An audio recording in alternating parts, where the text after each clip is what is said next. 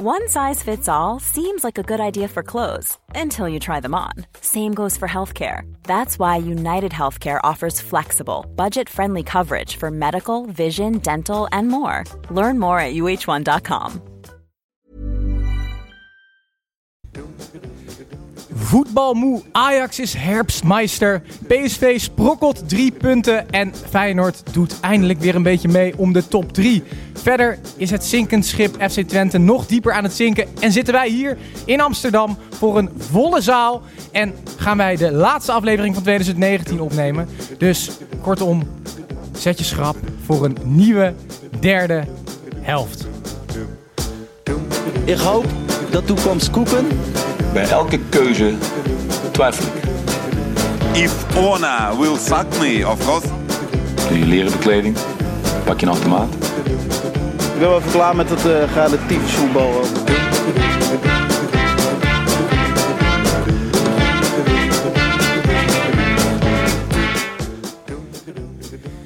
Ja, welkom uh, luisteraars thuis. Welkom uh, mensen hier in de zaal, kijkers. En natuurlijk welkom jongens hier aan tafel uh, voor deze live uitzending van de derde helft. We zitten hier in het Vondelpark in Amsterdam. Zoals ik net al zei, voor een bomvolle zaal. Er zijn dus daadwerkelijk mensen die, een viertal jongens die vooral goed kunnen lullen, ook in het echt willen zien. Terwijl het percentage koppen voor de radio toch ook aardig hoog is. Als ik... naar rechts kijk. nou, ik dacht in de zaal. Uh, ook in de zaal misschien wel. Um, als ik even terugdenk, uh, we, we, hebben dit verhaal vaker verteld, maar we zijn natuurlijk ooit begonnen op een zolderkamertje. Uh, toen was nog het WK bezig, waar Nederland niet eens aan meedeed. Inmiddels een tijdje verder. laatst namen we op, laatst, een, een, een, paar maanden geleden in de, in de studio van Armin van Buren. En toen vroeg ik Tim, uh, had jij verwacht dat we zo ver zouden, uh, zouden komen? Toen zei Tim natuurlijk met zijn onuitputtelijke zelfvertrouwen, ja nee, dat, dat had ik wel verwacht. Toen heb jij ook de ambitie uitgesproken uh, over Carré vol krijgen, de, de road to Carré. Zeker. is dit een mooie tussenstop? Nou, dat is een aardig begin. Weet, volgens mij kunnen er 1500 mensen in Carré. Dit zijn er 1340 voor de mensen die hier niet aanwezig zijn. Dus nou ja, dit is een uitstekend begin lijkt me. Ik vind het hartstikke leuk. Ja, toch? Ja. Uh, we, we, hebben net al een beetje met de zaal gesproken. Er zit, er zit, er zit van alles tussen. Uh, jongetjes van elf. Ze zijn dus echt komen opdagen. Uh, mannen uit Groningen. Voor mij een heel voetbalteam wat, wat, wat hier vooraan is aangeschoven. Um, en, en toch ook wel gewoon mensen die überhaupt helemaal niet naar de podcast luisteren. Dus dat is ook leuk. We hebben echt nieuwe luisteraars. Um, we hebben echt luisteraars. Ja, we hebben echt luisteraars. Ja, dat, dat, dat is het, eigenlijk de schok, hè? Zeker. Het zijn geen bots uit, uit India en China. Um, even kijken. Ik zit hier natuurlijk met uh, de broertjes Gijs en Tim. En uh, met onze eigen voetbalencyclopedie en cultheld uh, Snijboon. Snijboon, vandaag um, zei Ten Hag over Ajax dat ze een beetje voetbalmoe zijn. hoe staat het bij jou ervoor? Na, na, na, wat is het? Een WK, een heel seizoen derde helft en nu alweer een half seizoen? Ja, ik ben, ik ben nooit voetbalmoe. Ik ben wel moe. maar dat komt omdat ik gisteren met onder andere met Tim een, een kleine kerstborrel heb gedronken. Uh, en ik voel me nu ongeveer zoals die kerstbomen die na oud en nieuw bij de weg liggen. Um, oh, die in Duindorp in de fik worden gestoken, dacht ik. Nou, dat zegt meer over jou dan over mij. Oké, okay, sorry. Nee, maar uh, ik ben zeker niet voetbalmoe. Um, maar wij gaan, wij gaan wel even twee weken vrij nemen van elkaar, toch? Of niet? Ik vind het echt serieus prima even zonder voetbal, hoor. En, en zonder ons. Ja, dat ook. Nee, maar het is zoveel voetbal geweest. En die FIFA Mafia die, die maakt een schema waarbij je drie wedstrijden per dag kan kijken. En dat is hartstikke leuk. Maar op een gegeven moment is het, ik vind kerst ook wel leuk. Lekker gezellig, gourmetten aan tafel met vrienden en geliefden. En geliefden. Ja, ja da daarover gesproken. Uh, zitten er veel uh, geliefden in de zaal? Volgens mij ben jij de enige die zonder vriendin uh, hier Nee, zit? die heb ik net tegen forse betaling wel hier naartoe laten komen. dus ze zit op het allerlaatste moment is aangeschoven. Is dat het enige wat ze doet tegen forse betaling? ja. Oké. Okay. Nee, goed om te weten.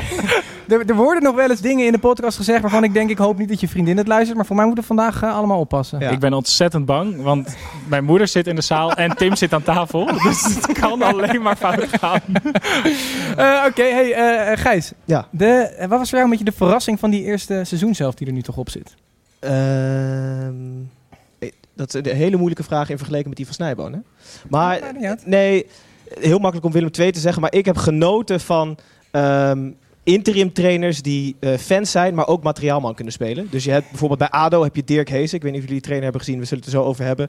Bij Vitesse heb je Oosting. Uh, bij VVV heb je Jai Dries. Ze zijn eigenlijk allemaal fans van die clubs en die zijn per ongeluk door het ontslag zijn trainer geworden. Ik vind dat echt genieten om te zien. Die geven echt om de club. Staan in trainingspak van club eh, naar de wedstrijd toe. Ik vind, echt dat, heerlijk. ik vind dat echt verschrikkelijk. Oh. Ja.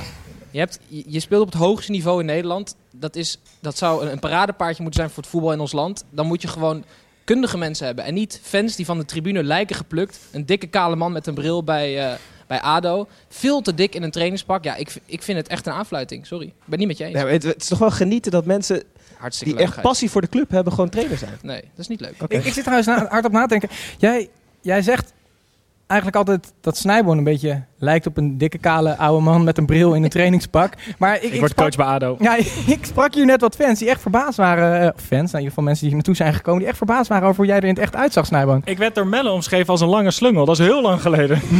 Dat is zeer positief. Snijboon, jij nog een hoogtepunt van de eerste seizoen zelf? Ehm, nee. Oké. Eh, nee, ja, ik, eh, ik geniet wel. Voor mij is Willem II wel echt het hoogtepunt. En dan vooral eh, die eh Mikey Tresor. Eh, echt een schitterende vondst. En die, die speelt alles kapot. En ik hou altijd van die spelers die je oprecht amper kende voordat het seizoen begon. En dat je in december eh, ongeveer uitkijkt naar elke wedstrijd dat ze mogen spelen. Oké. Ehm, jongens, ik denk dat het de tijd is om mij als... Mag ik niet bij verrassing van het seizoen nog eh, zeggen? Nou, ik, ik wil het niet per se van je weten, maar... Het is een negatieve verrassing Je vertelt wel vaker dingen Nee, maar die wij niet ik Ik weten. verrassend wel, dat het negatief is. Dat is heel leuk. Wat raar. Zo sta ik in het leven, jongens. Nee, maar ik vind het echt ook echt wel apart hoe Feyenoord geleid werd onder gewoon überhaupt deze zomer. Geen bestuur. eh, Stam werd aangetrokken, wat ik een fantasieloze keuze vond. Die werd na een paar wedstrijden, of ging die weg, omdat het gewoon verschrikkelijk ging. hoogtepunt. Nee, maar- Ongelooflijk. nee, verrassing zeg je toch. Ik Oh, vond het verrassend dat een zo'n grote mooie club als Feyenoord zo slecht geleid kan worden. Dat is lang verhaal kort. Oké. Leuk. Mag, ik, mag ik nu wel door? Van mij wel. Wat vind jij het eh, hoogtepunt? Nee, ik, ik ben niet alleen maar om vragen te stellen. Laten we lekker naar die wedstrijd nee, gaan. dat, dat hebben we afgesproken. We gaan eh, door. De fluit is gewoon terug. Eh, we beginnen, zoals altijd, eh, met de koploper. Ajax eh, tegen ADO Den Haag. En eh, dat hebben wij hier net gezien, met z'n allen op Studio Sport. Het werd 6-1. En eigenlijk speelde een soort jong Ajax. met drie basisdebutanten. Gravenberg, Traoré en Ekkelenkamp. Ekkelkamp, Tekkelenkamp, de Ronaldo-gooier. In ieder geval deden ze allemaal een duit in het zakje. Werd het dus uiteindelijk 6-1 en kan iedereen rustig slapen als je Ajax-fan bent of Melle Ajax heet. Eh Snijboon, een verrassende opstelling van de Amsterdammers. Wat vond jij? Ehm, ja, drie basisdebutanten. Traoré voorin, Gravenberg op het middenveld. Ehm, ik vond Traoré goed spelen. Ik vond Ekkelenkamp redelijk spelen. En ik vond Gravenberg... Die gaat het ontzettend moeilijk krijgen als het een keer niet loopt bij hem. Ehm, want het is ontzettend nonchalant. Hij is niet heel erg van het omschakelen. En dat ziet er tegen ADO best wel leuk uit. Alleen die moeten we echt nog stappen maken. Had Ten Hag die jongens opgesteld als AZ gisteren gewonnen had? Want dan, heb je, dan hadden ze drie punten voorgestaan, virtueel. Ehm, ik weet het niet hoor. Wie had die anders opgesteld? Dan Nou, toch die... Iets meer ervaren jongens. Het is wel bizar dat Alvarez en Marien nog steeds gewoon op de bank zitten nu. Ja, die zijn gewoon voorbijgestreefd. Precies, zo- zo die had hij dan opgesteld. Ik vind het gewoon heel makkelijk, want de laatste tijd was heel veel kritiek. Ten Hag geeft jeugdspelers de kans niet. Komt natuurlijk altijd vanuit de Telegraafhoek. Eh, dan heeft AZ verloren. Spelen ze tegen het allerslechtste team uit de Eredivisie op RKC na. ADO is echt een van de trieste dingen die onze competitie te bieden heeft. Nee, maar dat is het. Want Voor hem is het zo makkelijk om die jongens op te stellen dan. ADO heeft een amateurtrainer, een League team. Dus Ten Hag dacht, oh, dan doe ik ook gewoon jong Ajax. Precies.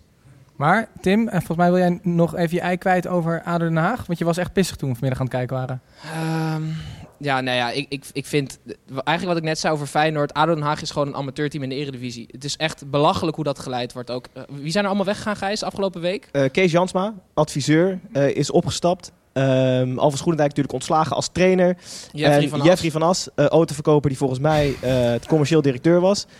En je hebt nu, ik zag hem, eh, zit, ik weet bij zijn naam even kwijt, maar algemeen directeur van ADO Den Haag zat op de tribune. Ja, je herkent hem aan zijn jas, hè? Ja, had ook niet echt een uitstraling van een fijne, fijne man. Een ma- maffiabaas. Ja, ongeveer. Daar mag je natuurlijk niet op afrekenen, maar het is gewoon echt eh, een zootje. En je hoort normaal, als het boven regent, lekt het door naar beneden. Nou, ze hebben in Den Haag zeker geen dak, want het lijkt helemaal nergens op. En die stevenen echt hard af op degradatie. En terecht. Oké. Ah, jij zei, ze hebben minimaal 100 miljoen nodig om erin te blijven. Jij ziet het echt niet meer zitten met ze. Nee, echt niet. Ja, nee, sterker nog, ja, jij zei... eh, eh, als ze... en wat, eh, ze gaan sowieso degraderen. Dat, ja. Behalve als ze 100 miljoen krijgen en goede aankopen doen. Wat voor een aankoop zou dan daarbij passen, Messi? Nee, maar daar wil, niemand wil naar ADO. Het, die, die- die club Nou, ligt gewoon... wat dingen gaat wel, toch? Uh, Marie Stijn? Nee, is niet nee, zeker. Pardew wordt daar trainer. Je moet wel het nieuws volgen. Oh, sorry, oké. Dat is want een ik zou- Engelsman. da- dit is precies waarom ik de vragen moest Maar stellen. dat, terug dat, naar Ajax dat nog? vind ik ook... Ja, oké, maar Pardew is ook schandalig. Want dat is dan... Dan gaan ze... Die directeur, Gijs, die gaat dan googlen op trainers die clubloos zijn. Die een beetje een naam hebben. Dan vond hij toevallig Ellen Pardew, die bij Newcastle... Die had een zevenjarig contract getekend. En die is na anderhalf jaar eruit geflikkerd. En dan denkt hij, ja, dat is goed. Laten we die nemen. Echt ook een aanfluiting. Maar goed, gaan we door naar Ajax. Ja, precies. Even terug naar Ajax. eh, want ik ben wel benieuwd. Ajax kampt nu met veel blessures. eh, heeft ook wel wat geld in het laadje. Ehm, moet toch nog wat gaan doen om eh, de, de, de tegenslagen van afgelopen weken te voorkomen. Eh, wie zouden ze kunnen moeten halen, Snijboom? Ik vind niet dat ze nu mensen moeten gaan halen. Want ik denk dat ze vrij makkelijk wel gewoon kampioen gaan worden. En moeten ze dan nu met de selectie die ze hebben gaan investeren om de Europa League te winnen? Nou ja, voor eh, Ajax koopt eigenlijk niet meer voor de Eredivisie. Die kopen echt om in Europa eh, mee te komen en eventueel met die Super League of dat die ooit die, die Champions League on, on steroids ehm, gaat komen. Dus ik weet het niet. Ik weet niet hoe het met Promes. Het, het is natuurlijk wel heel Ah, we doen pijnlijk. nu echt alsof ze op, op sloffen kampioen gaan worden. Maar AZ loopt toch gewoon heel lekker te ballen. En als Ja, die geen blessure ja. Maar dat zullen we het zo. Nee, precies. Dat, daar zeg je het. Maar we zullen het zo over hebben. Maar nee, ik denk dat Ajax eh, niets moet doen. Want ze hebben nu in principe, als iedereen fit is, gewoon zes of zeven goede aanvallers voor drie plekken. En als je daar nog één bij gaat halen die er meteen moet staan. De, de bekende kikkers in de kruiwagen. Dat gaat niet lukken. Oké. En moeten we, De bekende krikker, kikkers in de kruiwagen. Oké. eh, we moeten ook nog even hebben over blind, hè? Snijboom? Ja, een, on- een, eh, ontstoken hartspier. Eh heeft een, een, een, kastje aangebracht eh, gekregen om even eh, toekomstige onregelmatigheden te kunnen pakken. En ehm, die ligt er gewoon een half jaar uit waarschijnlijk. En ik hoorde van jou dat hij geen fysieke inspanning mag doen dat half jaar. Ja, drie tot zes maanden is hij sowieso. ehm, of dat is de prognose. En een dokter die er verstand van heeft, die zei: je mag dan sowieso in die maanden geen fysieke inspanning doen. Dus stel in het gunstigste geval dat hij na drie maanden weer iets mag doen, dan heeft hij dus drie maanden niks gedaan. Dan ziet hij eruit als die coach van ADO. Nee, zoals jij. Dus als die coach van ADO. Ehm, maar dat eh, eh, voorspelt ook niet veel goeds voor het Nederlands elftal. Nee, maar Blind is in het, in het Nederlands elftal heeft hij niet een hele erg belangrijke rol. Ik vind hem als linksback nooit zo dwingend. Eh, de Pai daarentegen is gewoon echt verschrikkelijk. Ehm, dus we hoeven er niet heel veel van te verwachten. Tenzij eh, Ronald Koeman met een eh, tactisch eh, geniaal plan komt. En Bergwijn en Boadu of zo een geniale ehm, chemie blijken te hebben. En een soort heel raar 3-5-2 systeem of zo. Nou, je, je had, eh, volgens mij was het voor het laatste eindtoernooi waar we meededen dat Kevin Strootman, geloof dat niet, was de grote man van het oranje van Van Gaal. ja, maar je had ook die Robben viel voorin, weg. Nee, maar die viel weg en toen was iedereen in paniek. Hè? Ja. Kevin valt weg. Eh, wat gaan we doen? Maar goed, te veel zijpaden. Maar het is nog goed gekomen, dus ik heb goede hoop. Eh, tot zover het Nederlands elftal eh, voor nu. En ook Ajax. Laten wij doorgaan naar eh, de nummer 2. Dat eh, was AZ en die gingen hard onderuit eh, bij Sparta in Rotterdam. Dat eh, werd 3-0 voor Sparta. terwijl de, ja, onze koffieboer Marco Bizot, die was op zoek naar het record voor meeste clean sheets in een kalenderjaar. Die hoefde maar één keer zijn doel schoon te houden. Lukte niet. Hij pakte zelfs na zeven minuten een rode kaart. En Sparta, eigenlijk in naam van de overleden Jules Dilder, die gingen echt als een trein. Het werd uiteindelijk 3-0. Eh Gijs, wat vond jij van eh, die tactiek van, van Sparta? Van, ook wel, van jou, jouw Sparta, Mijn met al Sparta. jouw Rayola's erin. Mijn Sparta. Eindelijk weer een overwinning. Eh, fantastisch. Nou, het was niet zo heel moeilijk, maar toch ben ik eh, trots dat Henk Vrezen Fraser eh, de tactiek op orde had. AZ had namelijk een centrum waarvan één iemand 1,69 was en eentje van net 1,80. En daar had hij mijn favoriet Ragnar Agge tegenovergesteld. Die is precies 1,87 meter. En alles wat hij deed was lange ballen op Ragnar. En dat ging uitstekend, want die ging vlak naast Klaasie staan. Die legde even zijn schouders op zijn, boven, op zijn bovenhoofd. En eh, die won alle kopduels. Nee, eh, heel simpel, maar super knap. Maar Gijs, dit is toch echt onzin? Want als na zeven minuten de keeper rood pakt, Nee, dan is oké. tactiek toch helemaal niks meer. Nee, maar alsnog, ehm, normaal houdt Sparta van opbouwen, mijn Sparta. eh, lekker voetballen. En dit keer was het gewoon zo snel mogelijk peren richting Klaasie. Dan ging Agnar, eh Agnar er staan.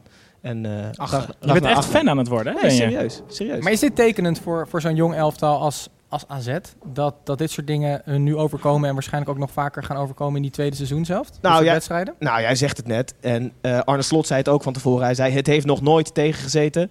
Hij had de woorden nog niet uitgesproken of Bizot had de rode kaart. En toen zat het tegen. En dan zag je dus meteen eh 3-0 eraf. Redelijk kansloos. 20 minu eerste 20 minuten eh, waren de 20 minuten van Adil Awassar.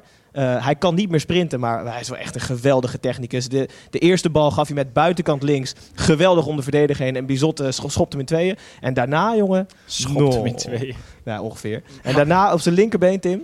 Nieuw net halen. Ja, nee, Door was- het net. Dat was uitstekend. Heerlijk. Maar ehm, die keeper, Bizot, die had dus bijna het record Ja. van Hein Stuy uit 1971. Want hij had dit jaar 31 clean sheets en Hein Stuy 32. Maar Bizot had wel de nul na zes minuten toen hij eraf werd gestuurd. Ja, maar dat heb ik opgezocht. Je Ja. moet minimaal 75 minuten de nul hebben. Dus Wat is dat nou voor Van wie? hij was vlakbij... Ja, van de reglementen weet ik veel. Hm. Kijk, ik vraag me Internet. dat dan bedenkt. Internet. Vond jij het echt groot trouwens? Ehm, Ik vond dat die scheids te, eh, te snel gewoon meteen rood gaf. dit was een categorie VAR. eh, had beide goedgekeurd, zeg maar. Had op Ja. beide niet ingegrepen. Ja, dus het was geen 100% fout, dus Nee. mocht hij hem niet Ja, terugdraaien. precies. Oké. Hey, ehm, we, hebben, we zijn eigenlijk alleen maar lovend geweest over AZ de laatste weken. Eh, Terecht. de- ja, was zeker terecht. En dat komt ook zeker door die voorhoede met eh, bijvoorbeeld Stenks en Boadou. En krijgen die nu door het wegvallen van eh Depay en Malen eventueel ook in het Nederlands elftal misschien wel wat kansjes? Dat denk ik wel, ja. Ik bedoel, ze, ze, ze schurkten er al tegenaan. Ze zaten er al een paar keer bij. En als er dan twee jongens wegvallen, is het logisch dat ze opschuiven in de pikorde. Alleen, ik weet dus niet wat hun rol gaat zijn. Ik denk dat Iataren echt belangrijker gaat zijn. Want eh, zonder Depay wordt je elftal een stuk minder creatief. Omdat met hem, hij beweegt enorm veel. Dat, dat levert hele gevarieerde aanval op. En Iataren is denk ik de enige die, eh, die die creativiteit nu kan brengen... als je daar bijvoorbeeld een Weghorst of een Luc de Jong neerzet. Maar het lijkt er wel op dat met het wegvallen van Malen... dat Boadou wel gewoon de eerste spits van het Nederlands elftal wordt de komende tijd, toch? Dus die gaat wel de kans krijgen om zich echt erin te spelen. Ja, ik zou eerder voor Bergwijn gaan. In de spits Ja, dan. ja, ja. Oké. Henk Spaan heeft het al eens eerder Oh, gezegd. Hij is Bergwijn beter dan op de flank. Dus daar gaan we er maar vanuit. Oneens. Maar ga door. Ja, het is Ja, ook voor het eerst dat jij dingen die Henk Spaan eh, zegt dan gebruikt om je punt te maken. Jongens, eh, wij gaan eh, door naar PSV tegen PEC Zwolle. Dat eh, werd eh, 4-1. Dit waren puntjes die PSV heel erg nodig had. En eh, toen wij vorige week opnamen, toen eh, speelde eh, Thomas Verhaar er al op in. Die voorspelde namelijk het ontslag van Van Bommel. En nu hebben we dus Ernst Faber aan het roer. En Guus Hiddink eigenlijk als onofficiële souffleur.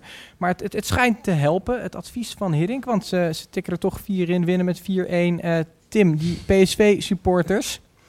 Ja. Die, die hebben wel een steun uitgesproken Mhm. aan Van Bommel. Ja. Ben je het daarmee eens? Zeker. Ehm, ik, snap, nou, ik snap het ontslag van Van Bommel op zich wel. Maar ik snap de aanstelling van Faber dan totaal niet. Omdat eh, ik vind dat eh, eh, PSV laat een trainer als Van Bommel... geeft hem niet de kans om fouten te maken. Vorig jaar was een goed jaar. Dan is het makkelijk om hem... om hem te laten zitten. Nu heeft hij een veel mindere selectie. Gaat het even wat minder. Gooien ze hem er met, meteen uit. Zetten ze een, een, een, een trainer, Ernest Faber, die bij Groningen compleet mislukt is. Hij is niet eens meer een trainer. Precies. Hij heeft het aardig gedaan bij FC Eindhoven toen. Ik vind dat gewoon onbegrijpelijk. Hoe kan je verwachten dat het onder hem dan beter gaat? En dan hebben ze weer een fantasieloze keuze als Guus Hiddink die ze erbij halen. Nou ja, ik vind het, ik vind Ze dat echt halen heel bij raar. PSV nooit meer iemand van buitenaf. Want nu is het dan Faber, die trekken ze ergens uit een laadje. En dan zetten ze Adil Ramsi, zetten ze daar dan naast. Ze halen Hiddink, die stoffen ze weer een keer af. En die halen ze uit de kast. Ja. En die gaat dan als klankbord. Gaat dan Faber de hele tijd bellen, wie moet ik op rechtsback zetten? Of gaat Hiddink de hele tijd Faber bellen en zeggen wat hij moet doen? Wie zou dan wel een goede optie zijn volgens jou? Daar ga je. Mm, Ik zou het met Marie Stijn misschien wel aandurven. Nee, bij nee, PSV. Gewoon. gewoon. Ja. Nee, Die nee, zit toch nee. bij Bouwen. Ja, dan met Pardew. En maar bij Tim, PSV. Ja, precies. Tim, ik ben het wel met jou eens. Ik had eh, Van Bommel laten zitten. Wat Ja, ze 100%. à la Van Bronckhorst, bij, toen hij zeven keer op rij verloor bij Feyenoord. Toen zette ze er ook een ervaren... Volgens mij was het zelfs Dick. Die werd, inge, die werd eh, Ja. opgeroepen. Ik had nu hetzelfde gedaan. Maar dan met... eh, met, Met Dick. Dick. Ja, gewoon bij Feyenoord weggehaald. Nee, eh, gewoon Guus Hiddink. Of ze hadden natuurlijk al Bert van Marwijk. Die trouwens... Waar is Bert ineens? Die was toch ook souffleur? Zijn ze nu met z'n tweeën? nee, maar het is de schoonvader, die moet mee natuurlijk. Oh ja, Dat dat wordt mee, dat- mee met ontslag. Het wordt dat fluisterspel, wordt het dan. Doorfluisteren, Ja, ja. ja. Nee, dat maar er het- heel het- iets anders bij Faber terechtkomt. Weet je, Gijs, Gijs, weet je wat het is? Je kan alleen het ontslag van Van Bommel verantwoorden als je daar een hele goede hoofdtrainer neerzet. En niet Ja, een afdankertje als Ernest Faber. Ja. Dat is gewoon hartstikke raar. Dus Ja. eigenlijk vind ik dat Gerbrands eruit moet. Nou, maar dat is ook wat de fans nu zeggen. Hè? Dat de Jong en Gerbrands eigenlijk eerder eruit hadden gemoeten dan Van Bommel. Ja. Hey, de fans zeggen ook nog wat anders. Eh, we hebben weer wat vragen in, in- ingestuurd gekregen van Tim Zwanen. En die wil weten, eh, bij, bij dit PSV wat toch wat scorend vermogen mist... of eh, Dessers misschien een goede aanwinst zou zijn, Tim. Nee. Nee. Nee, nee, nee Dessers zou geen goede aanwinst zijn van, eh, voor PSV. Omdat de spelers die ze hebben, zijn gewoon veel beter. Dus als Bergwijn in de spits speelt... Is Iedereen, hè? Is beter. Schwab is beter in de spits dan Dessers. Nee, dat is een, eh, een, een beetje een onzinvraag. Oké, en op de, eh, eh, op de crisisschaal van, eh van Perez, hoe erg is het nu crisis bij PEC Zwolle? Ehm eh, een vijf. Van de? Hoeveel, hoeveel, wat is de schaal Van van, de vijf. Perez? Van de vijf, ja. Dat is echt... Diep. nee, ja, bij PEC moeten ze gewoon heel erg hopen dat ze erin blijven. En ik zal die, die Stegeman zou ik eruit gooien dan. Eén punt boven de streep, hè. Is, Ja. Dicht bij elkaar. Maar ja, Ook- ook dat gaat, het daar, karma, gaat het daar helpen? Wat voor karma is dat dan? Omdat hij van Go Ahead naar PEC is gegaan. En dat, ja, nee, ja, ik vind het gewoon... eh, hij, hij deed alsof hij een hart had voor de club Go Ahead Eagles. En toen ging hij vanuit het niets, eh, toen hij eh, degradatie was misgelopen. Dat vond ik het ergste. In die, in die kraker tegen RKC. Promotie. Toen, ver- eh, sorry, ja. Toen, toen eh, verloor hij in de laatste minuut door die, die goal van Spierings, weet je nog. En toen stond hij zo arm in arm met Fred Grim. Zogenaamd eh ongelooflijk sportief. Ik zelfs tweeten, kijk dit, fantastisch. En een dag later was hij naar PEC. Dus toen dacht ik, ja, het is allemaal toneelspel. Ik had wel echt verwacht dat al die mensen die hier dan zitten, dat dat ervoor zou zorgen dat je positiever zou zijn. Sorry. Eh, jongens, laten wij even eh, over iets anders dan wat er binnen het spel gebeurt gaan praten. En laten wij het gaan hebben over buitenspel. Eh, Die, die staat vrij hard. ja, die, die jingles komen hard binnen. Maar eh? Tim. Ja. Tim, Tim, wat heb jij voor ons meegenomen? Ehm, de KNVB-beker was eh, eh, eh, deze week. En dat is wel heel erg opvallend. Eh, want het gaat namelijk over Frank Korpershoek. Eh, Frank Korpershoek is een middenvelder van Telstar. En ehm, ik heb heel erg het gevoel dat eh, de KNVB-beker Frank Korpershoek maffia is omdat in de eerste ronde speelde Telstar tegen Koninklijke HFC. En daar eh, is hij begonnen. Als, eh, als speler heeft hij meer dan 80 wedstrijden in het eerste gespeeld. In de tweede ronde speelt Frank Korpershoek tegen Ajax. Dat is een club waar hij jeugdtrainer is. Hij is jeugdtrainer bij Ajax.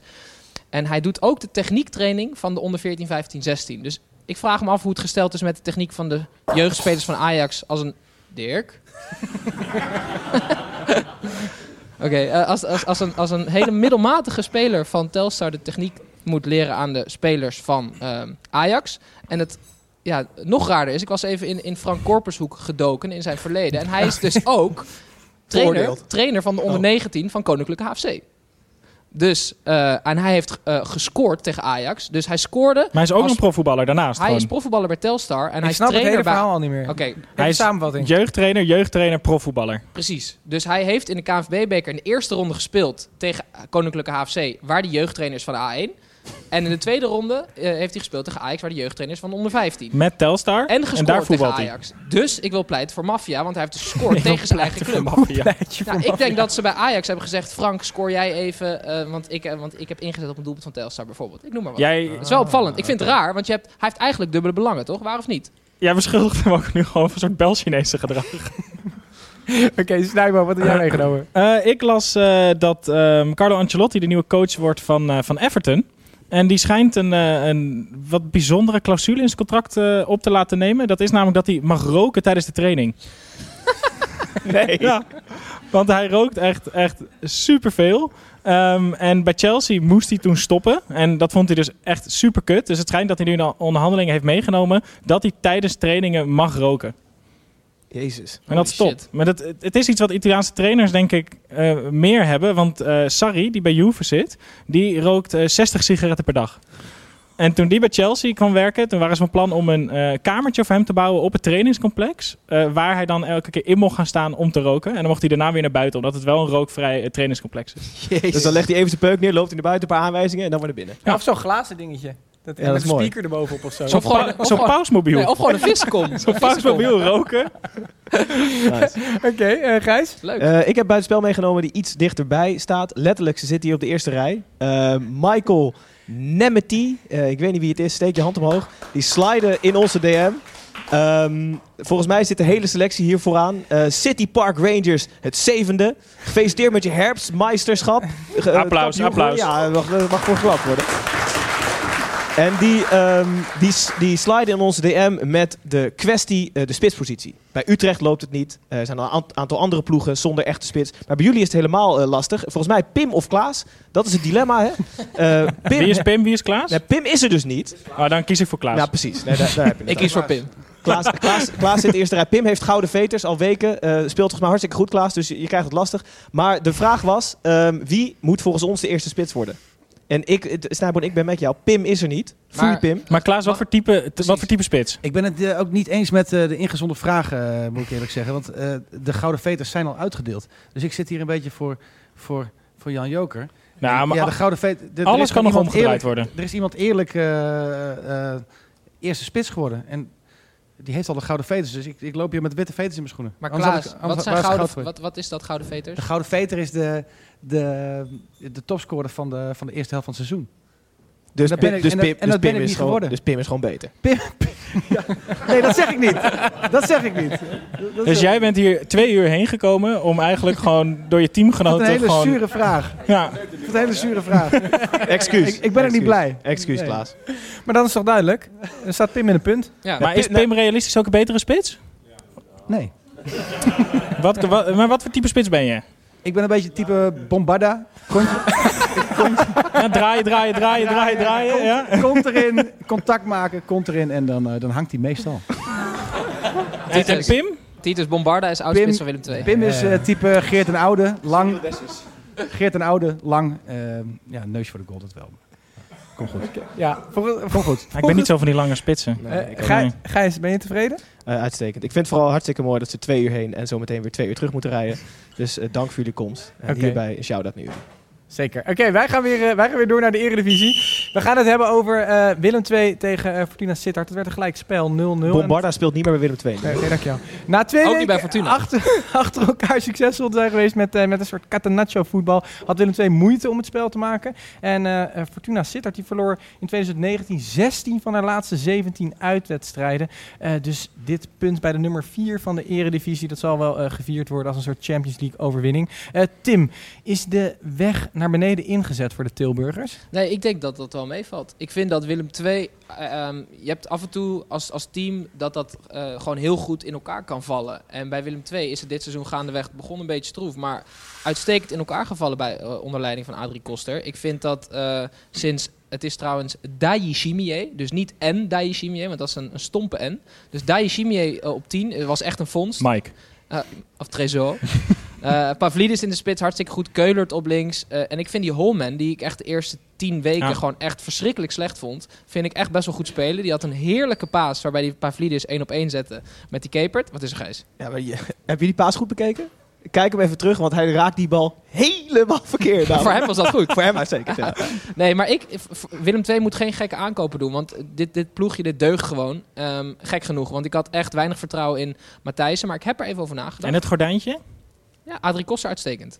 Ja? Maar eh, het verschil tussen Willem II en heel veel andere clubs is dat Willem II heeft Van Geel aangetrokken. En Van Geel is echt een hele ervaren bestuurder. En Matthijssen is eh, redelijk een beginneling. Maar zij hebben gewoon een bestuur. Het is duidelijk wie daar de touwtje in handen heeft. En dat zie je op het veld terug. Ja, het is geen toeval. Het is gewoon heel degelijk bij Willem II. Het enige wat mij opviel is dat Willem II heeft de afgelopen twee weken gewonnen van Ajax en Heerenveen uit. Daar was het eh, handbal verdedigen en eh, uitvallen. En nu speelden ze tegen Fortuna Sittard. En dan moet je het spel maken. En daar hadden ze wel iets meer moeite mee. Eh, dus ik ben benieuwd hoe dat nu ze als nummer 4 2019 afsluiten. Hoe ze dat gaan oppakken tegen de zwakkere ploegen. Want verdedigen en counter is het Dus makkelijkst. ze gaan is. geen Ja, maar- vierde worden, maar het play-offs is zeker haalbaar. Zij, zeg maar, op het moment dat je Nunnely ehm, in je team hebt terwijl je de hele tijd de bal hebt, dan heb je er helemaal niks meer aan. Nee. Want die heeft gewoon 40 meter gras voor zich nodig om op gang te komen. Maar als je die één op één zet en de achterlijn komt in de buurt, dan raakt hij echt in paniek. Ja, oké, prima. Ik, ik, heb er niks meer aan toe te voegen. Ik wil ook eigenlijk meteen door namelijk. Eh, want we gaan naar een hele mooie wedstrijd. FC Utrecht tegen Feyenoord. En dat was de wedstrijd van de week. Hey, ja, la, la, la, la, la, Wedstrijd van de week, van, van de week, wedstrijd van de week. Ja, ehm, want dit leek toch wel een heel lekker potje voetbal te worden. Tussen twee subtoppers. Eh Feyenoord heeft het al een tijdje moeilijk. Maar sinds Dick Advocaat eh, eh, langs de lijn staat, lijkt het maar beter en beter te gaan. En soms is het spel niet om over naar huis te schrijven. Maar de puntjes worden in ieder geval wel op zijn advocaat gepakt. Zo ook nu met twee prachtige goals tegen FC Utrecht. Ehm, nou, we spraken van een crisis bij Feyenoord in de zomer. Toen Stammer was en nu ook nog een beetje. Maar is die crisis dus echt aan het afnemen, Gijs? Ehm, ten- eerste, heerlijke wedstrijd. Snijboord en ik zaten met z'n tweeën te kijken. Op programma denk je, heerlijk wedstrijdje op zondagmiddag. Achteraf dacht je, heerlijk wedstrijdje op zondagmiddag. Het was echt genieten. Ehm, nee, ik vind crisis wel echt bezworen op korte termijn. Want ze hebben een trainer van 72, die zal niet 30 jaar meer meegaan. Ehm, als trainer en als mens waarschijnlijk ook niet. Maar het is gewoon allemaal echt korte termijn denken. Ze hebben advocaat aangesteld. Ze hebben een bestuur nu net samengesteld met een algemeen directeur, Mark Koevermans. Die een jaar geleden in een boek opschreef dat hij alle kwaliteiten mist om algemeen directeur te worden. En hij is nu algemeen directeur. Maar dit, dit is geen grap, hè? Dit heeft Nee. hij dus oprecht Ja. zelf opgeschreven. Ja, dus- Van, ik kan absoluut niet algemeen directeur worden, want dat kan ik Hoe niet. heerlijk hard to get is dat, hè? dat je dan zegt, kan je het? Nee, ja, oké, we nemen je. Nee, maar het is de korte termijn. eh, uitstekend wat je net zegt op zijn dik advocaat. Ik vond Utrecht sterker. Eh, Utrecht meer kansen. Maar Feyenoord toch, wat hij erin heeft gekregen, en dat is nu een aantal weken al zo, is dat onder Stamman ze deze wedstrijd gewoon verloren. En op, op een of andere manier, iets ongrijpbaars, dat Feyenoord gewoon zo'n enorme wil heeft om die punten over de streep te trekken, dat het ook gebeurt. En dat, dat vind ik eh, klasse. Eh, maar het is wel korte termijn. Dus ik weet niet of... Ja, maar jij zegt korte termijn, eh, Snijboon, op, op, op, op bestuurlijk niveau is het nog allemaal een rotzooitje. Mhm. Maar op het veld beginnen een aantal spelers zich lekker te ontwikkelen. Vandaag weer een prachtig goal van, eh van Kukcu. Sinisterra die le- doet leuk mee. Een prachtige goal, eh, Titus. Ja, ja, dankjewel. Eh, ja, het, is, het, het lijkt wel echt, weet je, het, Dickie heeft zijn gouden pikkie gewoon. Want al die ballen vliegen erin. Kokju staat echt niet bekend als dat hij één keer per week zo'n bal het kruis inschiet. En die raakt hem echt heerlijk. Die bal die valt ongeveer vijf meter uit de lucht. En ja, Toornstra weten we wel van dat, de, dat hij dit kan. En ik ben ook echt fan van Toornstra. De maar beschrijf die goal even, Snijboon. Ja, eh, Malasia die haalt de achterlijn op, eh, door een 1-2'tje. En die geeft hem voor. Verschrikkelijk En voor. Achteraf lijkt dat best een goede voorzet. Maar het is echt een kutbal. Ik het las, ik een las ook op een website dat Malasia een perfecte voorzet gaf. Maar het was een verschrikkelijke Ja, voorzet. ja, En klopt. 9,5 van de 10 middenvelders schieten hem het stadion uit. Het Ja, hij fantastisch raakte hem echt, echt heerlijk. Ja. Eh, tegendraaiend effect. eh, die bal die, die, die draaide alle kanten op. eh, over zijn heup heen. En eh, precies op dezelfde hoogte jaagde hij hem eigenlijk het kruis in. Maar waarom ben je zo'n fan van Toornstra dan? Omdat ik... ehm, ik zou... Kijk, zelfs als dat... Waarom ik Pereiros laat spelen bij PSV. Ik denk dat elke voetballende Nederlandse club... heeft gewoon een middenvelder nodig die 10 goals maakt.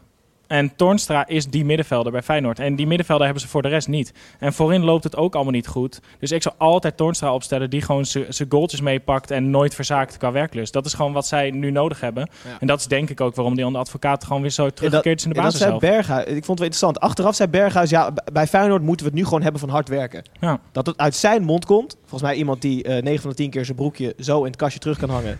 Zonder, zonder gewoon vlek. Gewoon aanhouden. Ja, ja, gewoon, precies. naar, gewoon naar huis. Nee, maar dat, dat, dat, dat tekent wel welke mentaliteit advocaat erin heeft geslepen. Die heeft waarschijnlijk gezegd, jullie kunnen niet zo goed voetballen. Dus dan moeten we maar van vechtlust hebben. En dat laat het wel weer zien. Maar Gijs, jij zei ook Ja. dat, jij, eh, eh, dat jij fan aan het worden bent van het middenveld van Feyenoord. nou, fan is een groot woord. Maar ik, ik vind het wel... Mooie balans. Ik ben, al- eh, precies. Ik ben altijd eh, fan van eh, balans. En dit, dit, dit Feyenoord middenveld is uitstekend in balans. Nee, Hero Fair Zeker. als een soort eh flatgebouw die ook kan stofzuigen op nummer 6. Eh Kukcu die eh, creatief eh, vooruit denkt. En dan Toornstra als een soort loper ertussen om alles te verbinden. Ik vind het echt... Sommige middenvelden, eh, die heb je... Dan denk je, holy shit, zijn vier dezelfde spelers. Zoals bij Utrecht. Zoals bij Utrecht. En bij Feyenoord heb je drie totaal verschillende. En dat ben ik, vind ik echt... eh, echt Maar mooi. dat heeft de advocaat gewoon ook heel goed gezien. Dat Kukcu degene was die die aan moest krijgen. Ja, dus hij heeft een Stam- hele... Stam stelde hem ook op, toch? Ja, maar nee, maar als je ziet hoe advocaat met hem omgaat... en die haalt nu echt het beste spel in Kukcu naar boven... omdat hij ook heeft gezien, dat wordt de schakel... dat is de ontbrekende schakel. Ja. Want het kwam alleen maar van Berghuis... en er was niemand die het verschil kon maken. En Kukcu is wel zo'n speler. En advocaat heeft denk ik al heel snel doorgehad... dat hij, dat hij hem eh, in vorm moest eh, laten raken. Nog maar één dingetje over nee, Dick. Nog nee, één dingetje over Daar mag je misschien zo over vertellen. Ik wil eerst even naar Utrecht. Eén dingetje over Dick. Nee. dat middenveld van Utrecht, daar spelen ook heel veel leuke spelers. En eh, we zeiden allemaal ook voor, eh, voorafgaand aan dit seizoen, Utrecht kan heel ver komen. Eh er zitten nog een aantal jongens op de bank. Ik noem een Ramselaar, Emmanuelson, Czerny, die allemaal niet spelen. Ehm, halen ze daar nu het, het onderste uit de kan bij Utrecht? En bijvoorbeeld dus op dat middenveld? Nou, het begint bij de spitspositie. Daar is een probleem. Ik vroeg naar het middenveld. Maar Ja, maar ik leg het even uit. Heb jij nog iets over Dick ook, of niet? Eh, nog een kleintje dingetje over. Nee, het begint bij de spitspositie, want ze hadden daar Dalmaal aangetrokken als eh, grote spits. En eh, die kampt alleen maar met blessureleed, waardoor ze geen spits meer hebben. Dus dan zijn ze genoodzaakt om met z'n tweeën te gaan spelen. Dat was vandaag Abbas en Kerk. twee identieke spelers.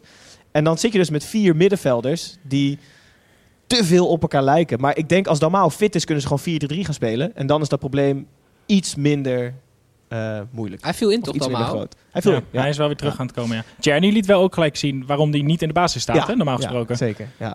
Onbegrijpelijk die ook? Ongelooflijk. Ja, zonde. Klein ding, Jongens. hey, ho, ho. Ja, oké, kom nu even met een stukje over- Ranglijst van Dick Advocaat Feyenoord fans in de zaal. Eh, sinds zijn aanstelling, Feyenoord staat tweede op alle punten. Al één puntje achter AZ. Dus eh, qua punten gaat het uitstekend met Feyenoord. Zie je, dit had je echt niet door. willen missen. Nee, je? Dankjewel. Je we gaan door naar Heerenveen tegen Heracles Almelo. Dat werd eh, 1-1. en na twee eh, kalme weken liet eh, vriend van de show Cyril Dessers weer van zijn goal. Hij veroorzaakte in ieder geval een, eh, een penalty. Die werd overigens gemist. Eh, maar daarna scoorde hij alweer zijn twaalfde doelpunt van dit seizoen. Tim, hij is eh, weer topscorer van de eredivisie. Ehm, maar ehm, hoe goed is een topscorer van de eredivisie nou? Dat hoeft helemaal niet goed te zijn. Nee, ik heb Ga je het nu weer Flemings gezegd. noemen? ja, ik zie je, je wilde dat het was echt gaan enige doen. hè? voorbeeld. Nee, Ja. maar de Eredivisie is een speeltuin voor spitsen. Heb ik, dat, is al, dat, dat is al gewoon algemeen bekend. Als je, in, als je naar het buitenland gaat, je mislukt daar, kan je altijd nog naar de Eredivisie als je een paar doelpuntjes wil maken en het zelfvertrouwen wil opvijzelen. Behalve als je Nicola Jurgensen heet, want bij hem schijnt het helemaal niet te lukken. Ehm eh, Dessers heeft me verbaasd de eerste seizoenshelft. Ehm hij heeft gewoon een, een- een paar aardige doelpunten gemaakt. Maar hij heeft ook heel veel slechte wedstrijden gespeeld en wel gescoord. En dan voor de mensen die aan scorebordjournalistiek doen, is het dan automatisch een goede spits. Maar dat valt allemaal wel mee. Hij lult zichzelf echt klem op de duur. Hè? Dat is top. Eh, Oké, en doet, eh doet Heerenveen zich dit seizoen niet een beetje tekort? Ze staan nu achtste? Het staat allemaal dicht bij elkaar, hè? Ja, maar Heerenveen heeft nu wel twee deuren. weken op rij. Die hebben nu één punt en twee wedstrijden. Wat er eigenlijk zes hadden kunnen, misschien wel moeten zijn. Want die verloren van Willem II terwijl ze beter waren. En die spelen nu gelijk terwijl ze ook beter waren. Ze kregen één schot op goal tegen. Eh, en dat, die zitten gelijk in. Dus ja, ik, waar Gijs heel erg fan is van Sparta, ben ik echt wel fan van, van Heerenveen. Want ook die hebben best wel een uitgebalanceerde ploeg als iedereen speelt. En ze hebben een eh, fan als trainer. Johnny Jansen. Ja, Die, hoort- die hoort ook in Maar wel met papieren. Dik en kaal. Ja, dik en kaal. En fan van de club. Jongens, eh, wij gaan door naar iets wat we niet willen weten. Ik heb een weetje, niemand wil het weten. Ja, ik heb een weetje. Ja, la la la la la la la. Gaat hij over uh, Korpershoek? Dit, wordt je, dit, Nee. wordt, dit moet je beste weetje ooit worden. Nou ja, nee, ik heb wel echt mijn best gedaan. Ik ga er goed voor zitten. Maar ik kwam eh, eh, eh, op de website van eh, Michel Beugelsdijk. Dat is de broer van Tom. Hoe Wat, is- kwam- wat is zijn website? Hoe kwam je daar? het- nee, hij, hij staat dus op dutchmagic.nl, want hij is eh, goochelaar. Maar dat wist... dat, Michel Beugelsdijk is eh, goochelaar, maar hij is niet alleen goochelaar. ehm, hij is dus ook clown. En hij is eh, zanger en presentator. En ja, ik heb moeite gehad met dit weetje, omdat die website... Jullie moeten eigenlijk allemaal even gewoon googlen op Michel Beugelsdijk. Want het is een genot om die website te lezen. Ik ga, ik ga gewoon een paar quotes pakken. Want ehm, volgens mij, als ik die tekst mag geloven... is hij de allerbeste clown eh, ooit. Ehm, komt ie. Hij is een super grappige, mega enthousiaste, ervaren clown. Clown Noni, dat is dus zijn naam, heeft flitsende goocheltrucs, snelle grappen, spetterende meezingers en prachtige balloncreaties. Zoek dekking, want de lachsalvo's vliegen u werkelijk om de oren. De interactieve optredens van Clown Noni zijn een fantastische belevenis voor de kids, maar ook voor grote volwassen kinderen. En Dat klinkt echt heel erg. nu komt het. U hoeft echt niet verder te zoeken. Clown Noni is namelijk een goede keuze. Hij is een stelvolle clown die zijn vak uitermate goed verstaat en dus jong en oud weet te vermaken. Er bestaat zelfs een grote kans dat u straks zelf ook als een reuze kleuter staat mee te swingen en springen. Want deze leuke kindershow, en daar komt hij, is namelijk geschikt voor kinderen van 0 tot 88 jaar. Helaas niet voor jou, Snijbo. Dat is echt lullig. Een combinatie, we zijn nog niet klaar hè. Een combinatie van een vlotte babbel, positieve energie en een aantal onafvolgbare trucs brachten hem op het professionele pad van goochelaar. En nu komt het, dit vond ik eigenlijk Oh, nu- bizar. nu Dat heb je al vier keer gezegd. Nee, nu, nee, let op. Goochelaar. Ehm, eh, hij brengt eh, gasten steeds op het verkeerde been met zijn vingervlugge goocheltrucs. En hij gebruikt daarbij zijn techniek als zakkenroller ook heel erg goed. Wat? Michel weet met zijn speciale talent als zakkenroller waardevolle spullen te ontvreemden. Dat staat op die website. Het is gewoon een supermooie omschrijving van een dief. Maar, dus eigenlijk, ja, maar kijk, als Maar je hoe is hij er ook achter gekomen? Er is ooit iemand doodgegaan van 89. Tot bij zijn show. En toen heeft hij gezegd, oké, het is tot 88. dat hij een soort mes wilde zakken rollen? Oh, Oké, ja, je ja, je Michel gedaan. Beugelsdijk, die site is gewoon geniaal. Goeie reclame. Dutch Magic. Wat een Mooi. topfamilie moet dat zijn, zeg. Bij de Beugelsdijk aan tafel. Heerlijk. Dat zou pas echt een leuke kerst zijn, toch Tim? Eh, ja. Oh, je bestek deed het weg. Jongens, eh, we gaan weer het eh, over voetbal hebben in plaats van over clowns. Eh, Vitesse tegen VVV Venlo eh 3-0. Dit werd in de eh Gelderdoom gespeeld, waar gisteravond nog het gevecht van de eeuw was tussen eh Badder en Rico. Eh, maar vandaag was er ook een gevecht op de velden. Ehm, het lek bij Vitesse, dat lijkt wel boven, maar ze hebben, ze hebben dat doorgegeven aan VVV. Snijbo? Ja, ik had de trieste eer om deze wedstrijd helemaal te mogen kijken. terwijl we hier al waren en aan het voorbereiden waren. En dat zijn echt 90 minuten van mijn leven die ik niet meer tegen, terugkrijg. Het veld was er ongeveer zo aan toe zoals je zou denken... eh, als je je indenkt dat daar gisteren nog een Maar- kickboxpartij was. Nee, man, dat is toch schandalig als je technisch directeur bent en je laat toe dat er een dag van tevoren... Maar Oh, oh, oh, dat is, nee, technisch directeur is Mo Allah. Sowieso Badr Army. Die heeft gezegd, laat hem lekker vechten. Maar dat kan Ja, toch? Ja, dat kan prima, maar dat, dan, mag je toch, de- dan mag je toch geen Het voetbalbestuurder is zo zijn? gek ben je.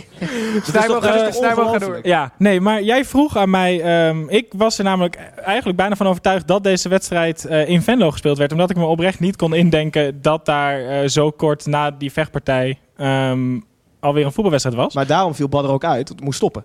ja, dat is wel. Ze, afbouwen. ze hebben wel een kwartiertje extra Nee, gekregen hij- om af te bouwen. Dat Tijdens is de warming-up lag hij er nog, toch? Sorry, zijn wel Ja. Ehm, Zeg nog even wat over dat lek bij VVV. Nou, bij VVV is het gewoon eh, niet zo best eraan toe. En die gaan nu Hans de Koning eh, eh, halen als... eh, ja, dat wordt een beetje hun klankbord. Dat wordt een beetje de gezellige opa die dat allemaal gaat fixen daar. En ik hoop dat hij al die Engelse jongens die daar rondlopen... die Sinclair en die Jeboa een beetje aan het voetballen krijgt. Want het ziet er echt niet uit. Eh, reglement, ja, gewoon een normale overwinning voor, voor Vitesse. Maar ik denk dat ze daar best wel aan toe waren na de afgelopen ehm, weken. Eh goaltje van Bazoer. Nou, goaltje. Echt een wereldgoal van Bazoer. Eh, standaard goal van Matafs. En, En een wat te var. en een wat de var van eh, Cristiano Ronaldo. Scheidsie! Moet u niet even gaan kijken? Wat een var. Je had hem even op zijn minst kunnen meeplaybacken, toch? Want jij bent dit. Ja, ik ben dit. Maar ja, als ik meeplayback, dan kost het weer meer. Dat is waar. Ehm voorzet, Linse springt ontzettend hoog. En volgens mij ehm, springt die eh, verdediger gewoon later mee. Waardoor het lijkt alsof Linse op hem springt. Maar wij kregen ook de vraag door waarom deze goal in hemelsnaam was goedgekeurd. Ik weet niet wat jullie vinden. Ja, ik vind dat, ik vind dat het belachelijk is. Want dat hij is goedgekeurd. Ja, omdat als je zo hoog springt... ehm, en dan lijkt het alsof, alsof, die, alsof je hoger springt dan die verdediger... hoef je nog niet je handen op de schouders te leggen. Want hij wist al, kut, ik ga nu naar beneden zakken. Dus hij gebruikte de verdediger wel om, om in de lucht te blijven hangen. Dus ik vind het gewoon ja, onreglementair. Gijs? Nee, oneens. Nee. Gewoon, gewoon beter getimed. Ja, hij Maar sprong gewoon hij, hoger. Hij ging heus niet met zijn armen zo op de nek van de Nee, want hij verdediger. hing al op ja, die hoogte al toen die verdediger Ja, en waarom kwam. denk je dat hij op de hoogte bleef? omdat die verdediger sprong. Maar jij Nee, denkt gewoon dat hij op zijn rug is gaan zitten. Jongens, hier gaan we, hier gaan we niet uitkomen. Wereldgoal, gewoon weer een goede Ja, kopgoal. classic eh, kopgoal van Linsen. Ja, Ja. Dat, dat pleit wel voor hem. Hij, hij heeft wel vaker met zijn kop gescoord. Dus, Dus dan... oké, door. Oké, goedgekeurd. Dankjewel. Top. Eh, we gaan naar FC Groningen tegen FC Emmen. Dat werd 2-0. Dat was de traditionele eh hondsrug derby. Die, die ik van Gijs absoluut... Nee, dat Dat is niks. Dat bestaat niet. Nee. Oké, dus het was geen derby. Het was wel een wedstrijd dus tussen Goed. Groningen Ja, en Emmen. wedstrijd. En uiteindelijk prikte eh, eh, YouTube-spits Kai Sierhuis alle twee de eh, goaltjes erin voor Groningen. Eh, Tim, hoeveel doelpunten moet Sierhuis de tweede seizoenshelft maken om zich weer in de kijker te spelen bij zijn club waar hij volgens mij nog onder contract staat, Ajax? Ehm, 56? Vind jij Sierhuis beter dan Dessers? Nee, nee, nee. Sierhuis is denk ik van het niveau de graafschap. Eh, clubs hebben nogal gouden neiging om. Nee, maar luister, clubs hebben nogal gouden neiging om een speler die uit de jeugdopleiding van Ajax komt. En die heeft toevallig een keer een mooie omhaal gemaakt in de Youth League. Om die dan aan te trekken. Want dan denken ze, die heeft een goede techniek en die kan redelijk in de spits spelen. En daarmee is ook wel alles gezegd. Ik denk dat, hij, dat Groningen ehm, op den duur misschien zijn plafond is. Maar hij is daar nu nog niet eens goed genoeg voor. Dus Hoezo? Hoezo nou niet? Hij staat toch... Hij speelt toch best wel goed Ja. de afgelopen weken? hij heeft nu toevallig twee keer gescoord tegen een verschrikkelijke verdediging. Maar ik vind hem, Kom aan. Het is ongelooflijk. hij is niet sterk, niet snel. Dat is mijn, mijn stokpaardje. Je bent, echt, je 1,80. bent echt, echt onze Johan Derks aan het worden. hè? Ja. Nou, ik ben gewoon geen fan. En ja, maar die Telgekamp, dat is trouwens...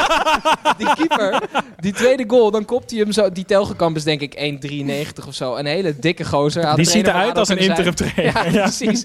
En die ging zo door zijn benen. Ja, ik vind dat echt schandalig. Maar dat heb ik altijd gezegd. Toen Scherpen wegging, kregen ze echt een goed bedrag van Ajax. Als je dan niet een normale keeper kan weghalen uit bijvoorbeeld de keukenkampioen-divisie... en je komt met Telgekamp, dan wil je niet in de Ja, Eredivisie. maar Emmen moest dat geld echt gebruiken om serieus dingen als warm water in de douches te Ja, krijgen. en zo. ja. Die komen van zo ver, die gasten. Dat is ja. Maar of uh, Sierhuis nou goed is of niet, uh, Groningen had in ieder geval een uitstekend jaar. Cijfermatig met 16 overwinningen in 2019 en slechts 31 tegengoals. Ja, en dat is een clubrecord dat is, ja, by far een clubrecord met 31 tegengoals. Maar het is een beetje onhandig, want eh, vorig jaar begon Groningen heel erg slecht. En daarom heb je het idee van, Danny Buis doet het allemaal niet heel Ja. lekker. Ehm, maar ze hebben dus gewoon 16 keer gewonnen, toch? Dit jaar, in dit kalenderjaar. Dat is gewoon hartstikke goed. Dus maar dat die omslag is gekomen de vorige transferperiode in de winter. Dat Ja. hij toen eh Bellassani, Bruns en hij kreeg een Koeri en nog eentje kreeg hij. En een die hebben goeie. daar toen echt, Ja. echt omgedraaid. En sindsdien is het gewoon gaan lopen bij, bij Groningen. En ze hebben ook wel een vrij klassieke speelstijl. Als in ze spelen met twee spitsen tegenwoordig. Dat doen ook niet heel veel clubs in de Eredivisie. Dus dat is ook leuk. Jongens, we gaan alweer naar de laatste wedstrijd van de, deze uitzending. Eh, dat is RKC tegen FC Twente. Dat werd 3-0 voor RKC. En RKC dat speelt eigenlijk dit hele jaar al vrij leuk en goed. Maar eh, ze komen er toch nooit echt aan te passen in ieder geval. Ze halen gewoon heel weinig punten en staan nog stijf onderaan. Maar FC Twente, wat dus nu met 3-0 op de broek krijgt, dat is echt aan het afzakken. We noemden het al, het zinkende schip van FC Twente, wat steeds dieper en dieper eh, zinkt. Nou, we hebben het al vaak over de, de crisisschaal van Kenneth Perez gehad, die alles heel snel een crisis vindt. Maar is het nu bij FC Twente officieel crisis, Gijs? Ehm, Als jij het zegt, is het zo, hè? oh, wacht even. Nee, eh, ja. nee, het is, eh, ze zijn à la eh, traditioneel promovendi, zijn heerlijk begonnen. Eh, en die zijn dan na een tijdje erachter gekomen dat er meer gevraagd wordt dan alleen leuk voetbal, wat ze vorig jaar het kampioenschap heeft bezorgd. En toen zijn ze een paar keer gaan verliezen. Ehm, vermoeidheid sloeg toe, beentjes zijn zwaar. Dus ik denk dat crisis. En eerst was die trainer, Gonzalo Garcia Garcia, die gewoon in zijn middelbare schooltrui nog steeds in die dugout zit. Was hartstikke leuk. Iedereen vond het verfrissend. En nu gaat het hem tegenstaan. Hè? In zijn middelbare schooltrui gaat, zit, zit Ja. hij daar nog steeds. En mensen gaan het nu irritant vinden. En dat vind ik wat mooi aan de voetballerij. Want in het begin, als het goed gaat, is het fantastisch. Weet je wel, hele normale gozer. En nu is het bloedirritant. Wat doet die gozer nou met die middelbare schooltrui daar? Dus eh, het is sowieso, sowieso crisis. Maar eh, het is sowieso het is crisis, sowieso is het nu. Sowieso, overal. Maar RKC, ehm, ja, dat is toch eh, wel. Ze spelen veel beter voetbal dan die ploegen die boven staan. Ze zijn nu, terug. Ze zijn helemaal terug nu. Absoluut. En nu krijgen ze ehm, eh, weer, ploegen weer in het vizier. Dus ik denk dat alleen maar ehm, meer ehm, eruit gaat komen na de winter. Eh, dit is eigenlijk de enige ploeg in de Eredivisie, denk ik, eh, voor wie de winterstop op een slecht moment kwam. Want de ploegen in crisis zijn er blij mee. En de ploegen die. ehm, Dan zeggen dus alle, alle andere Ieder- alle ploegen ha- vinden top de winterstop. Je hoorde Dus iedereen is in crisis, behalve RKC. ja, RKC is de enige vorm in ploeg. RKC is de enige ploeg voor. Maar ik zat even te kijken, want ze hebben eh, één klein probleempje. Ehm, ik het heel erg te doen met de derde spits van RKC, zat ik te denken. Want je hebt Vente en Bilate, dat zijn dan nu twee eh, spitsen. En voor de rest zijn So en Maatsen volgens mij op de flanken. En Bilate en Vente die hebben gecombineerd 26 wedstrijden gespeeld. Hoeveel doelpunten denk je? Twee? Nul. Nou, nul. Oh, echt? Ja, die Dus dacht- dat is ongelooflijk. Ja, dus ik dacht die derde spits die moet woest zijn, omdat hij nog steeds geen kans heeft gekregen. Wat denk je? Geen derde spits. Nee, die speelt in de B1. Nee, nou, ik zat dus op de website te kijken. Ze hebben gewoon geen derde Nee, spits. Zij hebben ook geen jeugd. RKC heeft geen jeugd. Maar ze hebben dus Nee, letterlijk ze, hebben geen... wel, ze hebben wel een jong RKC, maar ze hebben geen jeugd. Dus eh, dat is wel interessant. Maar ik wil nog heel even iets over Twente zeggen. Ja. Het was natuurlijk, die komen van zo'n verschrikkelijke chaos, eh, ander- anderhalf jaar geleden ongeveer. Waarbij het heel verleidelijk is dat je je beleid in handen legt van één iemand, namelijk Ted, van Leeuwen. Ja, de bril. En als je iemand zoals Ted van Leeuwen binnen kan halen, begrijp ik het ook wel enigszins dat je daar het beleid in handen legt. Ik ben ongelooflijk fan. Hij heeft een verschrikkelijk goed netwerk. Ehm, en hij, dat, dat, dat gebruikt hij om spelers binnen te halen. En ik geloof ook dat hij een heel goed netwerk heeft om, om trainers binnen te halen. Hij kent Garcia hartstikke goed. Ik vind het alleen heel raar dat je als, ehm, als degradatiekandidaat, in principe, omdat je net gepromoveerd bent, dat je dan Garcia aanstelt. Iemand die aanvallend voetbal predikt. Dus ik geloof wel dat het een goede trainer is. Maar ik heb aan het begin van het seizoen ook al gezegd, hij is niet geschikt om eh, Twente, dit Twente te leiden. Met echt best wel matige spelers ook, hè? Ja, maar Ted van Leeuwen wil gewoon gaan bouwen. Die wil gewoon iets neerzetten wat voor de komende jaren er is. En die heeft gewoon gedacht, oké, ik neem de gok wel met een begroting van 23 miljoen. Blijven we er waarschijnlijk wel in. En dan is dit gewoon een tussenjaar. En dan kan Garcia daar iets gaan neerzetten. Ze, En- ze liggen nog op schema, hè? 19 uit 18. Het is ook geen crisis, Gijs, want Dirk. Gijs, het is ook geen crisis, want eh, zij gaan er ook wel in blijven. En hoeveel staan ze nu? Eh, ze staan volgens mij vlak onder de middenmoot plek 13. Ja, dat is toch echt uitstekend voor hun. Dat Ja. is toch Ja, maar precies heel kort, bij, heel kort bij de rest, hè? Echt? plus, crisis precies op het juiste moment. Dit betekent dat Ted van Leeuwen in de winter echt Ja. weer een paar de pareltjes gaat scoutingslijst van Online Soccer Manager erbij haalt. Ja, Precies. We hebben het nu wel heel lang gehad over, eh, over RKC en FC Twente. We gaan in ieder geval door naar het, naar het laatste eh, rubriekje, eh Fan Talk, waar mensen uit de zaal vragen kunnen stellen. Dus eh, bedenk alvast even wat en dan laten wij het rustig inleiden door onze grote vriend en broer van een clown, Tommy Beugelsdijk. Hallo fans, wie gaat er zinnen? Hier is Tom. Dit liedje is nu zoveel meer toepasselijk nog. Eh, handjes in de lucht. Is er iemand die een vraag zou willen stellen? Het mag eh, van alles zijn. Daar gaat-ie. tuurlijk. Eh, jullie zijn natuurlijk met jullie Mino Raiola stal begonnen. En daar zaten wat voltreffers tussen. Neem Justin Lonwijk. Eén keer gespeeld er vier. ja. Ehm, wie hadden jullie achteraf nog graag willen selecteren die het eigenlijk nog goed heeft gedaan? Wow, goede vraag. Zo. Dit is een vaste luisteraar.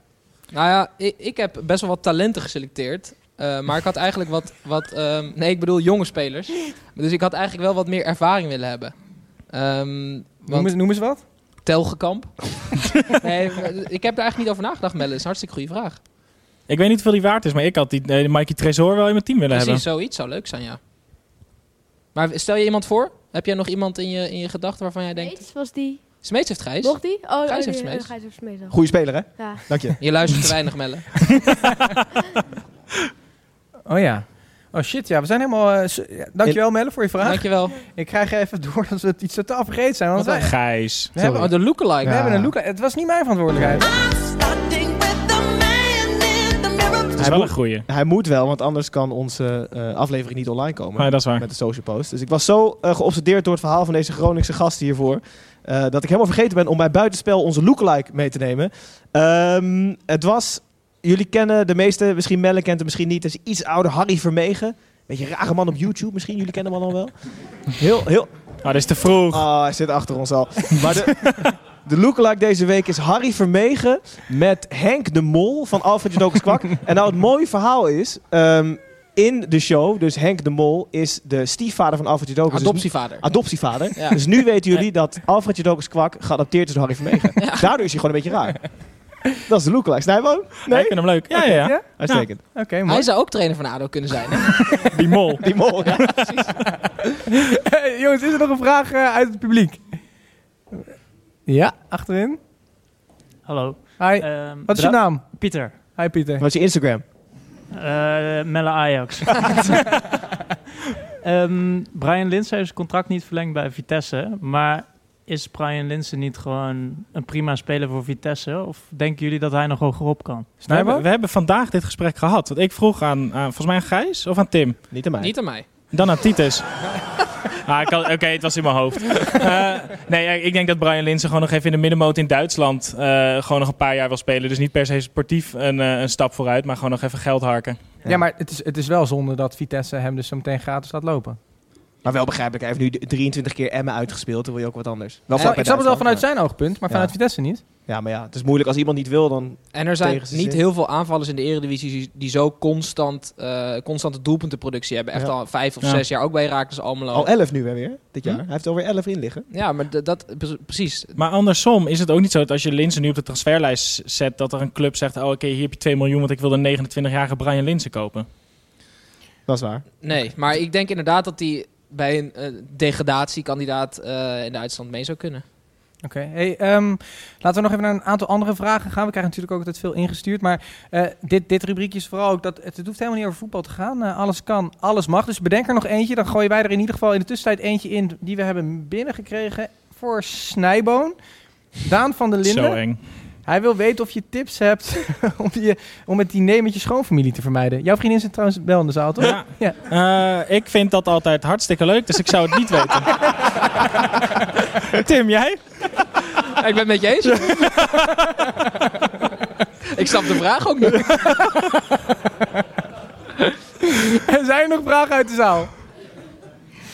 We moeten er nog even worden nagedacht, dan hebben we er nog wel eentje hoor. Maar het is wel volgens mij de laatste uit onze koker. Zoveel mensen sturen ons ook geen ding op. Harm Koekoek, die wil weten wie het vaakst door ons heen praten eh, afgelopen jaren. We hebben veel mensen te gast gehad.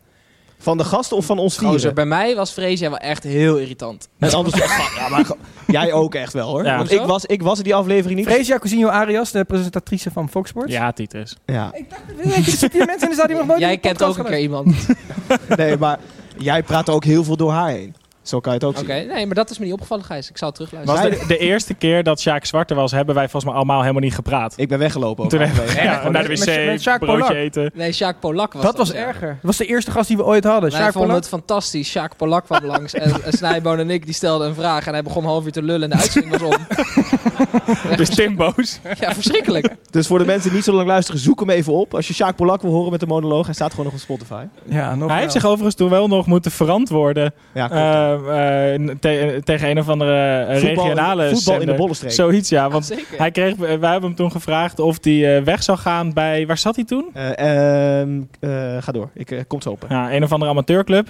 En of hij dan weg zou gaan om assistent te worden ergens. En toen zei hij echt volmondig ja. En daar moest hij zich voor verantwoorden voor een wedstrijd nog een keer. Oké, eh, is er inmiddels een, eh, een vraag uit de zaal? Of, eh? Mag alles zijn. We hebben in de hoek een. Oh, we hebben er eentje. Hallo, ja, ik ben de oom van eh, Melle Ajax. Eh, Peter Ajax. Wij praten alleen over voetbal, dus ik, kan, eh, ik moet er wel een voetbalvraag eh, ingooien. Ja, is En goed. jullie hadden het begin eh, over de verrassing van het jaar. En ik probeer Melle al eh, jaar, een half jaar te verleiden om een eh Iatarin eh special te maken. Nee, want voor mij is dat wel echt de grootste verrassing. Maar ik wil weten van jullie, eh, hoe groot achten jullie en hoe groot wordt hij? Nou, leuke vraag. Gijs? Waarom aan- altijd een moeilijke vraag aan mij? Nee, eh, ehm, in die zin heeft hij mij ook al verrast, want we kenden hem niet. Dus hij is dit seizoen, hij is pas 17. En dat hij nu al PSV draagt, is aan de ene kant krankzinnig dat hij zo goed is. Maar aan de andere kant ook krankzinnig eh, dat dat moet. Dat een 17-jarige op die leeftijd nu PSV moet dragen. Maar ik denk, als hij zo doorgaat... Ik zit even te denken of ik een loopbaan eh, kan verzinnen van iemand... Heb jij, Tim, heb jij hem niet op eh, online soccer manager in eh, Voetbalmanager. 2000 of, of voetbalmanager 2040? Nee, Tim speelt niet, want hij is bang om verslaafd te raken weer. Ja, is dat echt zo? Ja, even terug naar de vraag. Ik, ik vind het wel een goede vraag. Ik heb er ook wel een theorie over. want, Wat eh, raar. Niet gedacht. Nee, want ik, als, zeg maar, de potentie die hij nu laat zien, dat is Barcelona. Maar, ehm, en dat bedoel ik absoluut niet eh, racistisch, maar bij Marokkaanse voetballers, als je die uit, uit de omgeving haalt, ehm, dus bijvoorbeeld ook weg van Afellay, weg van de club waar die is opgegroeid, eh, wordt het vaak lastig. Dat heeft het verleden uitgewezen. Kijk naar Amrabat, die speelt nu eh, in de zandbak bijvoorbeeld, terwijl hij ook echt heel veel talent had. Ehm, dus ja, ik kan er nu weinig over zeggen, behalve dat dit mijn, mijn theorie is. Dus ik, ik, ik, ik denk dat hij heel groot gaat worden. Ma- Ja. Maar nog heel lang bij PSV moet blijven. Sowieso nog twee jaar. Ja, het is gewoon heel erg afhankelijk van hoe die buiten PSV rendeert. Dus dat, dat is bij Marokkaanse spelers heel vaak een issue geweest. Maar we hebben Dus- in ieder geval dit jaar wel gewoon gezien dat hij mentaal, Ja, zeker voor zijn leeftijd, echt ijzersterk Zeker. is. Dus het kopje wat erop zit is goed. Hij kan echt fenomenaal voetballen. Ja. Eh, dus in principe wijst alles de goede kant op. Maar je hebt ook bij Afellay toen gezien één rottige blessure. En het kan ook allemaal zo anders zijn. Maar qua voetbal kan hij gewoon de wereldtop halen. Maar, maar Tim, maak je dan ook zorgen om, om, om Ziyech als die weggaat bij Ajax? Mm, ehm, dat vind ik best wel een leuke vraag eigenlijk. Onverwacht wel van hem. Ik denk het niet. Ik maak me daar denk... Jawel. Je weet het niet. Ja, hij heeft nou eigenlijk... Ik heb, hij is nooit buiten Nederland. Kijk, bij de Marokkaanse ploeg... eh dus ook een andere omgeving... is hij best wel een stuk minder dan bij Ajax. Hij is bij Ajax heel dragend. Bij Heerenveen ook, bij Twente ook. Eh, ik, ik heb er eigenlijk geen idee van. Kan hij de wereldtop aan? Zie je? Ja, ik zou zeggen voetballend gewoon wel. Maar het, nogmaals... Hij heeft een team om zich heen nodig dat echt op hem ingesteld Ja, is. en die jongens die zijn gewoon super trots en die moeten zich gewaardeerd voelen. En op het moment dat ja. hij bij Chelsea een van de 33 selectiespelers is, voelt hij zich minder belangrijk. En dan, ehm, dan, dan wordt het denk ik ook minder. Oké. Hey, eh, tot slot jongens, nog één vraag uit het publiek. Handjes in de lucht. Anders dan eh, gaan we afsluiten en Ja. gaan we gewoon naar de bar. Maar ik, dit zie, is- ik zie er nog één, ik zag er nog één. Oké. Dit zou je voet even bij je. Hi. Ehm, eh, stel jullie zouden de rest van jullie leven moeten samenwonen met een eredivisie-speler. Wie zou dat zijn en waarom? Michel Beugelsdijk. Dirk. Ehm, Ook wel een leuke vraag. Zo. even kijken. Dat is wel echt leuk. Het is zo fijn dat we hier echt over na gaan denken ook. Gewoon alsof, het- alsof het morgen dan zover is. Ja. Maar moet je dan, moet je dan niet voor een, voor een Toornstra of een Hendricks gaan? Of zo, gewoon zo'n harde werker? Die gewoon de afwas doet Ja. en zo. Precies. Stofzuigen, Jens en heel shit allemaal. Nee, ik zat te denken aan die Varela van Ajax. Waarom? Ja, ik heb geen idee hoe hij kan voetballen, maar hij, is wel, hij komt altijd ontzettend sympathiek over op de camera. Ja. Tim? ja, harde werkers inderdaad. Dat is wel een goeie, ja. Ja, volgens mij is Dessers heel lief. Ja, nu hebben we goed proberen te Die wil echt niet met jou samenwonen hoor. Denk ik ook. Nee, dat is waar, ja. Leuke vraag. Ja. Ik ga heel veel, even, even 10 seconden nadenken nog. Ehm, Gijs? Krijg Gijs, doe, 10 seconden. doe jij even een wachtmuziekje, Gijs? Ehm. het is echt een moeilijke vraag, man. Oké. Jongens, het, ho- het hoeft niet, hè? Nee, ik Jawel, zit- la- Jawel, het even moet. nog even over Dat is de vraag. Jawel, Ja, het moet. Tim, noem gewoon iemand. Doe niet zo moeilijk. ehm, Ja, maar nu doe je het erom. Samenwonen, hè. Denk na. Je wordt wakker. Eerste wat je naast je ziet liggen is... Samenwonen. ja, dat is wel... Ik zou wel die Peña van eh Emmen. Ja, maar je moet toch ook Dat met is zo eng, Die is, ouwe. Die is gewoon met die ogen- drugsdealer. Die heeft ogen ook in zijn nek. Ja. Dus dan word je wakker en dan ligt hij met de rug naar je toe. En denk je, oh jezus. Gijs, je moet, ook, je moet er ook mee kunnen praten, hè? Nee. Gewoon een goed gesprek, toch? Gijs, je wilde zoiets Nee, willen nee, zeggen. nee ook. Jouw vriendin zit ook in de zaal, toch? Nou. Je hoeft niet mee te kunnen praten. Nee, absoluut Nee. niet. Tim, nu. Eh, Anders gaan we afsluiten. Nee. Marsman. Zo lang nadenken. en Hoe dan kan je nou 10 minuten nadenken over Nick Marsman? Ja, ik vind dat echt een fascinerende gast. Hoe kan je na, na, na 20 jaar iedereen zo in de maling nemen dat je gewoon... Je kan niet keeper en je bent alsnog keeper bij Hij is, die- hij is die speler die in al die landen heeft gespeeld, maar helemaal geen profvoetballer is. Hij is fascinerend. Ja. Zeker. Oké, duidelijk. Eh, dat was het voor deze live uitzending eh, van de derde helft. Ehm, wij hebben er volgens mij heel erg van genoten en eh vond het hartstikke mooi dat jullie hier waren. Wij gaan nu eventjes eh, op vakantie. Een aantal van ons gaan heel braaf bij de schoonfamilie zitten tijdens de feestdagen. We zijn er in ieder geval weer op eh, zondag 12 januari met een voorbeschouwing. Van, eh, eh, van de tweede helft van het Eredivisie seizoen. Dus nogmaals bedankt en een zalige kerst. En, En nog, en nog één ding. Oh ja, wel- hij wil nog iets over Dick wel, zeggen. eh, Nee, wel even terugluisteren allemaal, want anders kost het ons luistercijfers. Dus dit is Ja. minimaal de helft. Dus Ja. morgen allemaal gewoon even op repeat nog even die aflevering terugluisteren. Oké, dit was hem dan. Dank Dank jullie wel.